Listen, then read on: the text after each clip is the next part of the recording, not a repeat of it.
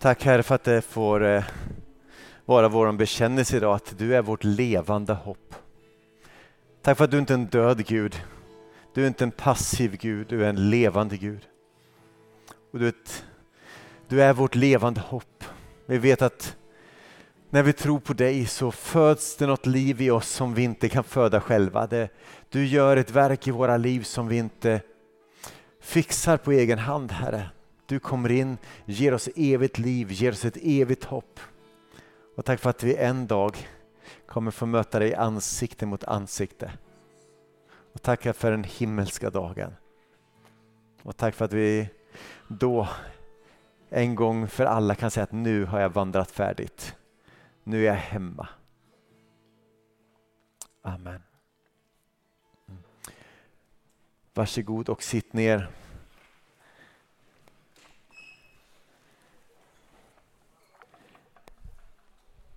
På, ehm, för er som inte känner igen mig sitter jag Niklas Ljung, pastor här i församlingen.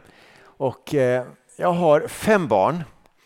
Två av de grabbarna, Isak och Noah, tog jag med för några år sedan upp till Norge. För Isak framförallt, han hade tjatat om att vi skulle åka upp och fjällvandra, vi skulle vandra i fjällen. Och vi är inga så supervandrare så vi tänkte att ja, vi, eh, vi, åker ut, vi åker upp till bergen och sen så finns det berg runt omkring. Sen så liksom gör vi så här dagsetapper och ut och vandrar. Och vi hade liksom planerat det här och förberett oss och så kommer vi Målet det var att vi skulle ta oss ut på en klippa som heter Trolltunga. En, eh, ungefär 1200-1300 meter upp eh, i bergen där. Och jag tror jag har en bild på den. Den där det är en stenklippa som sticker rakt ut och sen är 700 meter rakt ner. Om man tittar ner i fjorden nedanför sig där och känner sig väldigt liten. Eh, jag kan säga att båda mina söner gick ut och satte sig där och eh, hoppade och grejade på den där och jag tittade på. Jag är så grymt höjdrädd så att det, jag fick sitta ner bara jag skulle titta på när de gick ut. Men eh, det var en fantastisk dag. Vi började tidigt på morgonen, sen vandrade vi upp där och vi vandrade upp hela vägen och vi kände att, liksom att det här är väldigt gott. Vi hade med oss jag hade bra vandringskängor som jag hade gått in så att jag inte fick skoskav. Vi hade med oss mat och vatten och längs vägen kunde vi fylla på vattenflaskan med liksom friskt källvatten. Ni bara hör hur bra det låter.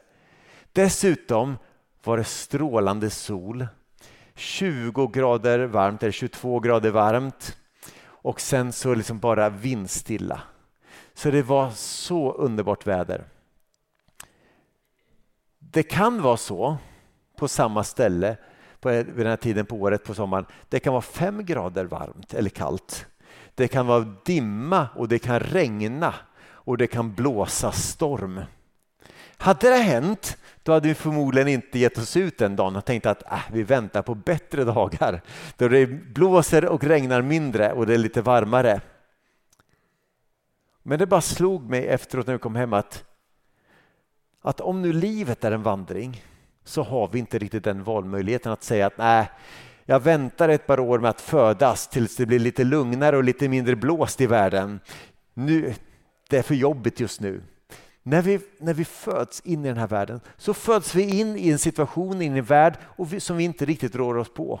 En del föds i Sverige, andra i Afghanistan, andra i Afrika. Eller, och vi föds in i familjer, vi föds in i situationer som vi inte riktigt rår för.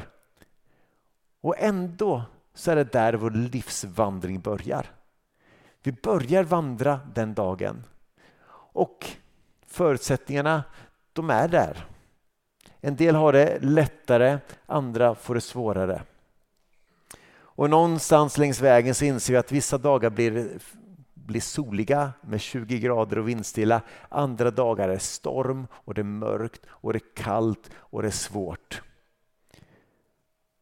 Och jag vet inte om du brukar använda ord som vägval, milstolpe, eller bara att, att jag tar ett steg. Inte när du beskriver en sån här resa utan då du börjar tala om ditt liv.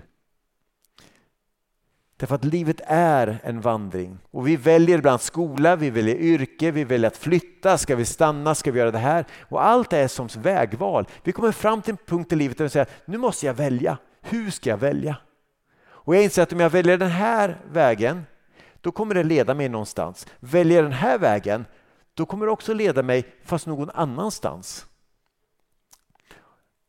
Jag, alltså Minna där, jag vet inte om det var Minna och jag och några till, vi var iväg på en EFK-dag i eh, Kristianstad för flera år sedan. Vi hade åkt dit, det skulle vara någon så här eh, samtalskväll och sen skulle vi åka hem från Kristianstad. Och eh, är du inte från Skåne så är inte det här roligt, men är du från Skåne så är det jätteroligt. För då åker vi från Kristianstad och sen så efter en stund så kommer vi fram och ser skylten Perstorp. Men vi ska inte till Perstorp, vi ska till Malmö. Vi insåg bara att vi har åkt totalt fel. Ungefär en omväg på 35 minuter.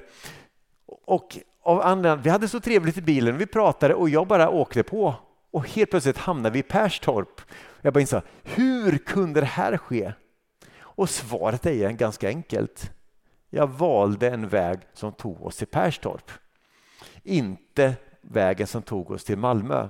Men vi fick göra en korrigering och till slut så kom vi hem. Och jag har lovat mig själv att aldrig berätta hur fel jag åkte för några månader sedan när jag skulle åka upp till Göteborg. Eh, så det ska jag inte säga någonting om heller. Men jag kom senare fram än vad jag skulle. Men den här principen det gäller ju för bilåkande. De vägar vi väljer tar oss någonstans och dit vi kommer det är resultat av den väg som jag har valt. Och så är det liksom i allt i livet. Det finns som vägskyltar överallt i livet och det vill säga att hur ska jag göra nu? Och ibland gör vi de här valen utan ens tänka. Det bara blir liksom. Ja, jag gjorde bara det här och så inser jag efter ett tag att oj, jag har ju gjort ett vägval. Jag gjorde ett val här som faktiskt tog mig till en plats och jag är lite osäker ibland på att vilja komma hit. Ja, men jag kan se tillbaka och säga att ja, men jag gjorde det där vägvalet som tog mig dit. Och jag har suttit i många samtal med människor och i själavård och i samtal och i samtalsstöd och man har suttit ner och pratat och de beskriver sin livssituation och sen så landar de till slut i de här orden bara att ja, men jag bara fattar inte, hur kunde det bli så här? Hur kunde jag hamna i den här situationen? Hur kunde jag hamna i en sån ekonomisk kris? Eller hur kunde jag hamna här där mitt äktenskap håller på att raseras totalt? Eller hur kunde jag hamna... Och man bara undrar att vad gör jag nu då? Och så sitter jag där som pastor och så tänker jag, ja, vad ska du göra nu? Jag vet inte riktigt. Vi kan be, det kan vi göra. Men jag, vet, jag ser inte riktigt tydligt vilken väg du ska gå. Jag kan se vad du borde gjort för två mil sedan eller för ett halvår sedan. Det kan jag se. Men nu, ingen aning. Men gång på gång har jag blivit så överraskad att Gud kan kliva in i de situationer där vi inte ser någon utväg. Vi fattar inte hur ska det här gå till. Hur, det har rasat totalt och livet har bara kört ihop sig. Och så ser man ändå hur Gud kliver in. Och det är som att han bara säger att Hörru, har du sett den här vägen? Och så leder han in på en annan väg och man börjar säga, ja, den här tar mig hem igen. Det här leder mig rätt. Men de vägar vi har valt kan vi aldrig göra ogjort. Och vi får leva ibland med konsekvenserna och skavsåren och, och rivmärkena efter de vandringsvägar som vi har valt. När vi kommer till Bibeln så är det precis det här slags språk som vi hittar gång på gång. Gång på gång hittar vi den här. Det talas om att ta steg, att vandra, att snubbla. Det handlar om att få ljus på vägen eller ljus på stigen. Det talas om att kunna gå vilse och att vi måste göra vägval. Och genom hela Bibeln får vi känslan av att, av att vi vandrar våra liv och att vi lever på vår vandring. Där vi liksom hela tiden får känna att Gud, nu är det en ny dag. Vad ska jag göra idag? Nu är det en ny dag. Vart ska jag ta vägen? Och under mina år som pastor har jag med iver sett många som bara kastat sig ut på livets resa med Jesus. Framförallt har man gått en alfakurs och man har liksom fått tag i, liksom i det här livet som man beskriver och man känner bara åh, det här är bra och man har valt att kliva ner i dopgraven och sagt att ja, men nu vill jag följa Jesus, nu vill jag leva tillsammans med Jesus.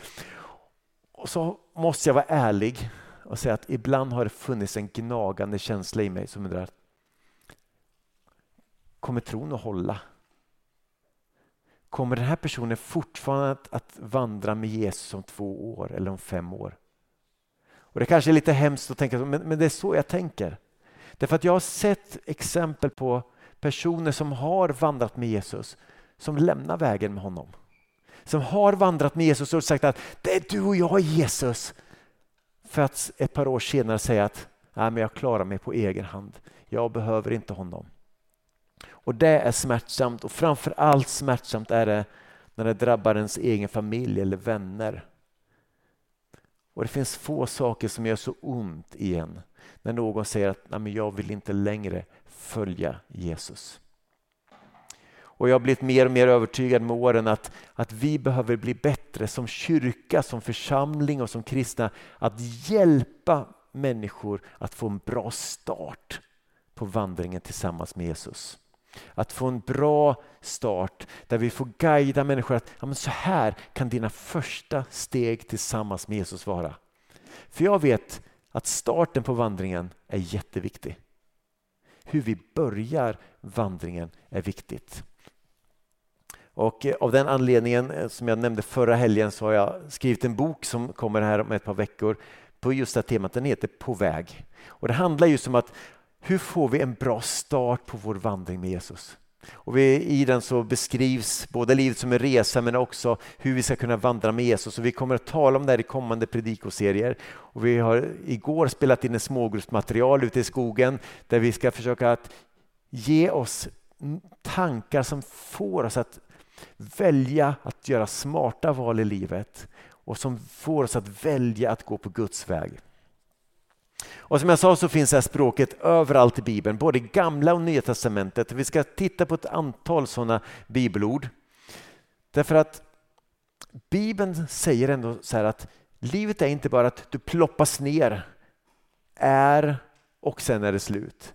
Utan du ploppas ner här i världen, du tar vägen någonstans, du gör val som leder dig vidare och var du en dag kommer hamna beror på vilka vägval du gjort under livet. Och därför är det ju viktigt hur vi väljer att leva våra liv. Paulus som är en av Nya testamentets mest flitiga författare. Han skriver det här lilla fantastiska brevet, Efesierbrevet. Han skriver i kapitel 5 och 15 så här. Se därför noga upp med hur ni lever. Inte som ovisa människor utan som visa det här ordet som när Paulus säger att se därför noga upp med hur ni lever. På grekiska är det ett ord som heter paripateo som egentligen betyder se därför noga upp med hur ni vandrar. Hur ni går. Se noga upp med hur ni går. Det är som att han säger att det finns två sätt att leva på. Antingen kan du vandra vist eller så kan du vandra ovist. Alltså du kan vandra och göra kloka val eller dåliga val. Och det tror jag vi alla känner igen. Jag skulle kunna köra en handuppräckning på hur många som har fattat dåliga beslut någon gång. Men jag var i skogen igår, jag behöver inte se en skog av händer igen. Men för det, vi alla har varit där. Vi alla har gjort de här dumma valen som vi säger, åh, hur gör jag nu? Vi har gjort det.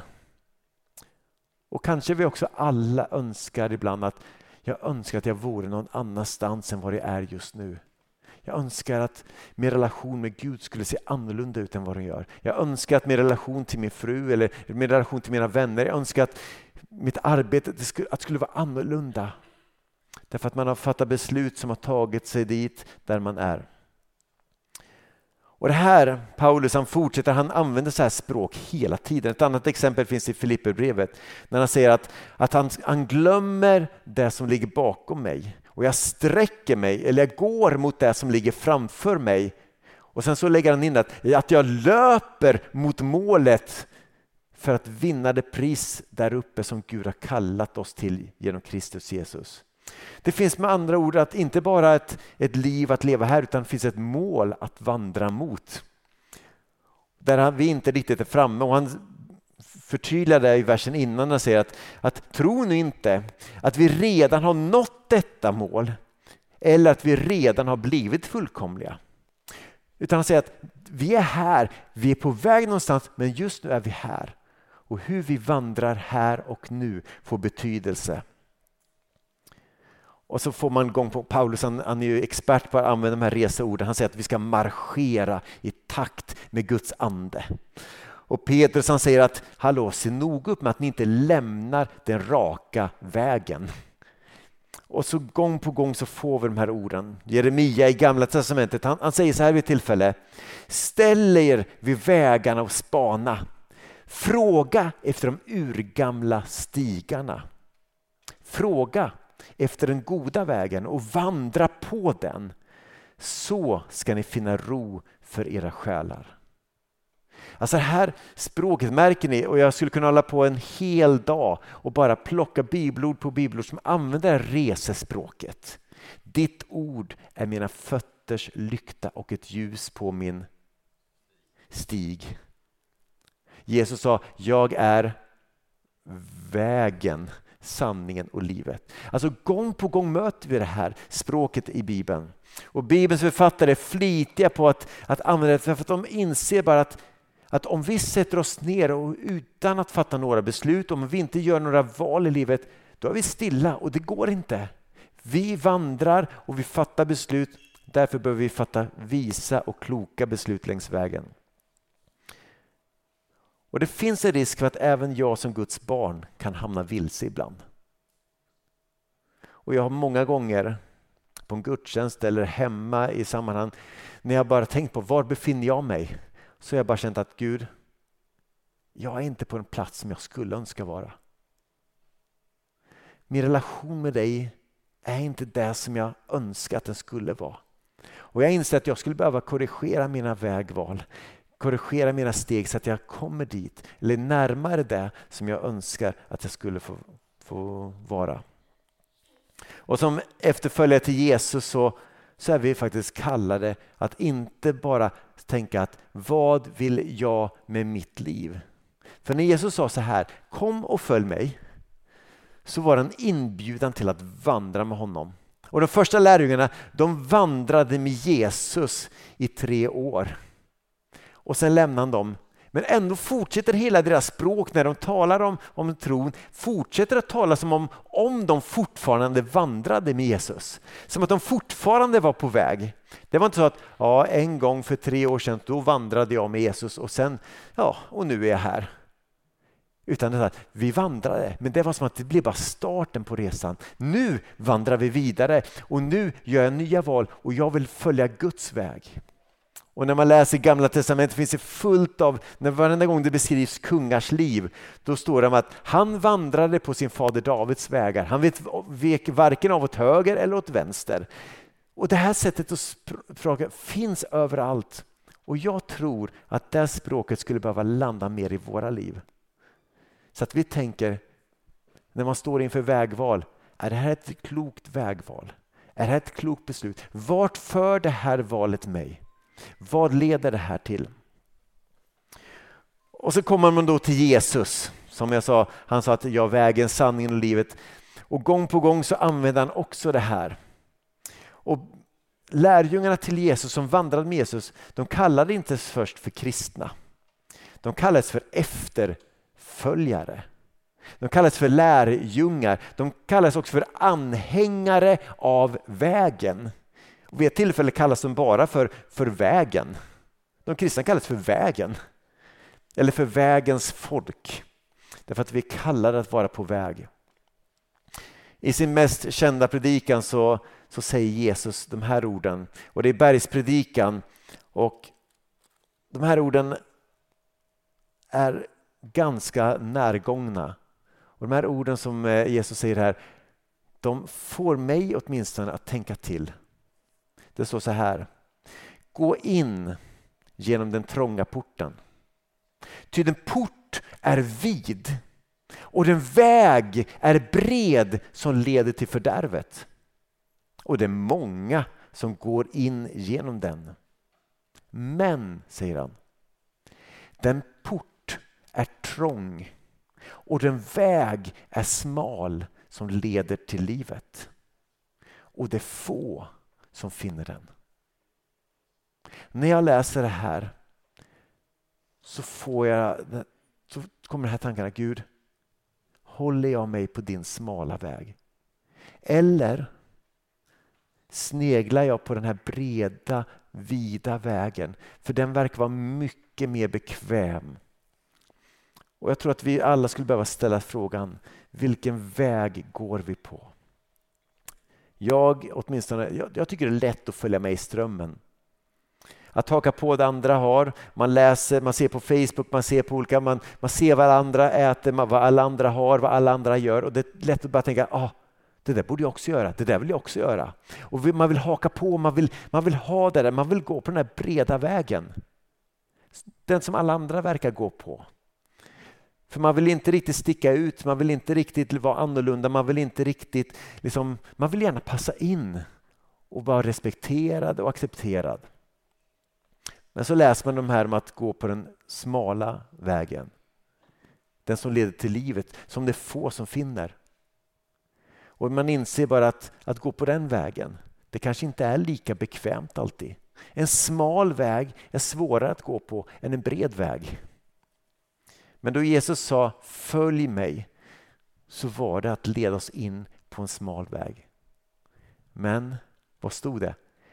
Den väg som leder till livet. Den breda vägen den ledde till fördärvet sa Jesus. Men den smala vägen tillsammans med Jesus den leder till livet. Och Jesus kallar oss att följa honom och det innebär att gå genom den här smala porten, den smala vägen. Och många gånger kommer det innebära att jag måste göra vägval som andra inte gör. Jag kommer att ibland bli tvungen att gå emot strömmen. Att göra vägval som kanske kan uppfattas som konstiga. För vi väljer att hantera pengar på ett annat sätt som Guds barn. Vi väljer att prioritera vår tid och vår kraft och vår energi på ett annat sätt. Vi väljer att göra inte bara det som är bäst för mig utan som också kanske är bäst för andra. Vi väljer att gå på vägar som inte jag känner för att gå utan där Gud, vägar där jag säger Gud, var vill du att jag ska gå? Och vi lever i en tid som på många sätt det bara matar oss med de här värderingarna att här finns en bred väg. Gå på den, kör på den, det här blir bra. Och så tror man att ja, jag gör nog det för det verkar vara det bästa, det är det alla gör. Och så möter man Jesu ord i Bibeln och man möter Paulus och Petrus ord och inser att nej men, vi kallar att gå en smalare väg. Som kanske inte är lika enkel, som inte är så lätt men som ändå är rätt. Och när vi lever i en tid som matar oss med sina värderingar, hur vi ska tänka, hur vi ska tycka, vad vi ska längta efter, vad vi ska hungra efter, så tror jag att vi behöver göra som Jeremia sa, uppmanas att göra. Vi behöver ibland ställa oss vid vägarna och vi behöver spana. Och vi behöver ställa oss frågan, vilken är den bästa vägen? Vilken väg är det som ger min själ ro? Vilken väg är det som leder mig till livet? Och det bästa av allt inte att Gud vet vilka vägar som är de bästa. Och det bästa av allt är att Jesus sa så här, ni ska aldrig behöva gå den vägen ensam. Han sa att jag vill vara med er alla dagar till tidens slut. Det innebär att, att när jag kommer i ett vägval så är det inte bara upp till mig att klura ut vilken väg jag ska gå. Utan jag kan fråga Gud, vart går vi nu? Och Gud han är så intresserad av att berätta sina vägar för oss. Ibland kan det kännas som att de ligger i dunkelt och ibland kanske vi bara ser ett steg framåt. Och vi vet inte att, vart leder den här, jag vet inte men jag upplever att jag ska ta det här steget. Och vi gör det och så öppnar upp sig inför ett nytt steg, nästa steg. Samtidigt vet jag att en del av oss hamnar på platser som vi inte alls själva har valt. Vi har blivit offer för omständigheterna och livet bara kraschat in. Och vi bara undrar bara, hur hamnade jag här? Och vi bara säger att ja, det var inte ditt fel i alla fall. Det blev så. Här är du bara nu. Men oavsett om du har gått vilse på egen hand eller om livet har kastat in så att du känner dig helt borta så är svaret ändå detsamma. Att Jesus kan leda dig vidare. Jesus kan öppna en väg ut ur den situation som du befinner dig i. Och det finns ingenting som är omöjligt för honom. Det finns ett fantastiskt bibelord i Romarbrevet 12 där Paulus återigen talar och här använder han inte resetermerna, men vi ska kika på det här ordet lite mer. I Romarbrevet kapitel 12 så, så, skriver han en sak och det här stämmer väl överens med det Jesus sa om den breda vägen och den smala vägen. Han säger så här, anpassa er inte efter denna världen. Utan, och sen ger han ett annat sätt att, eh, att leva på. Utan låt er förvandlas. Alltså det finns en möjlighet att, att jag inte behöver liksom anpassas av alla. Jag, mitt liv kan förvandlas, alltså bli något annat. Låt oss förvandlas genom förnyelsen av era tankar. Alltså att Gud vill förvandla oss och förvandla våra tankar. Och vad händer då? Jo, så att ni kan avgöra vad som är Guds vilja. Vad som är gott behagar honom och är fullkomligt. Och jag funderade lite på hur det här bibelordet hade sett ut om Paulus istället plockat upp vägspråket. Och jag skrev det här. Så här skulle han kunna skrivit tror jag. Gå inte på den breda vägen den som alla andra verkar gå på. Gå istället på den smala vägen där ni vandrar tillsammans med Jesus. Om ni går på hans stig kommer ni under resan att upptäcka Guds plan och vilja för era liv. Ni kommer längs vägen förstå vad som är gott, vad som är fullkomligt och vad som gör och vad som gör Gud glad. Och hur skulle det här se ut i våra liv om vi levde så? Om vi ber Gud, Gud förvandla mitt sätt att tänka. Förvandla mig, förnya mig, led mig så att jag alltid kan avgöra vad som är din vilja. Och jag tror, eller jag vet, att ju närmare Jesus vi vandrar, ju närmare vi håller oss honom, ju mer får vi upptäcka vad livet egentligen handlar om. Och Tänk om vi varje dag kunde göra liksom val att det skulle bara vara spännande att se hur skulle livet bli om vi varje dag kunde upptäcka vad vill du för mig idag Gud? Vad är din plan för mig? Vad ska jag göra idag? Vem ska jag tala med? Vad ska jag säga? Vad... Och annars, vi vet hur det livet ser ut. För det finns en person som har levt just så och det är Jesus. När vi ser på Jesu liv så ser vi det exemplet hur ett liv på Guds väg ser ut. Och vi vet också att det livet inte var det enklaste. Det fanns ett pris att betala för, att gå, för Jesus att gå på Guds väg. Och det kan även finnas ett pris att betala för oss. Men om vi nu skulle bli ledda av Gud än mer, hur skulle det se ut? Hur skulle det påverka din arbetsplats, din skola, din familj, dina relationer? Och för en del av oss tror jag att vi skulle behöva plocka fram de här vandringskängorna igen, liksom borsta av dem och säga att Gud, jag spänner på mig det här igen nu för jag inser att jag har satt mig på livets hållplats och bara vänta på att den där himmelska bussen ska komma en gång. Jag behöver borsta av skorna och säga att Gud, nu går vi tillsammans igen. En del som jag sa har drabbats hårt av livet, blivit offer för omständigheter, upplever kris. Andra kanske hamnat i en situation som man, du vet att ah, det var jag som valde den här vägen. Jag vet det och jag ångrar det. Kanske har du hamnat i en situation där du bara undrar hur du hamnade i den här situationen. Och kanske en del av oss, när vi ser på våra liv och man funderar över hur min vandring ser ut, inser bara att Åh, jag skulle önska att jag vandrade närmare Jesus. Och var vi än befinner oss, hur livet än ser ut, om du är på toppen på livet och det solen skiner eller om du går genom dödsskuggans dal. Oavsett var du befinner dig så är ändå Bibelns svar detsamma. Du behöver leva och vandra med Jesus.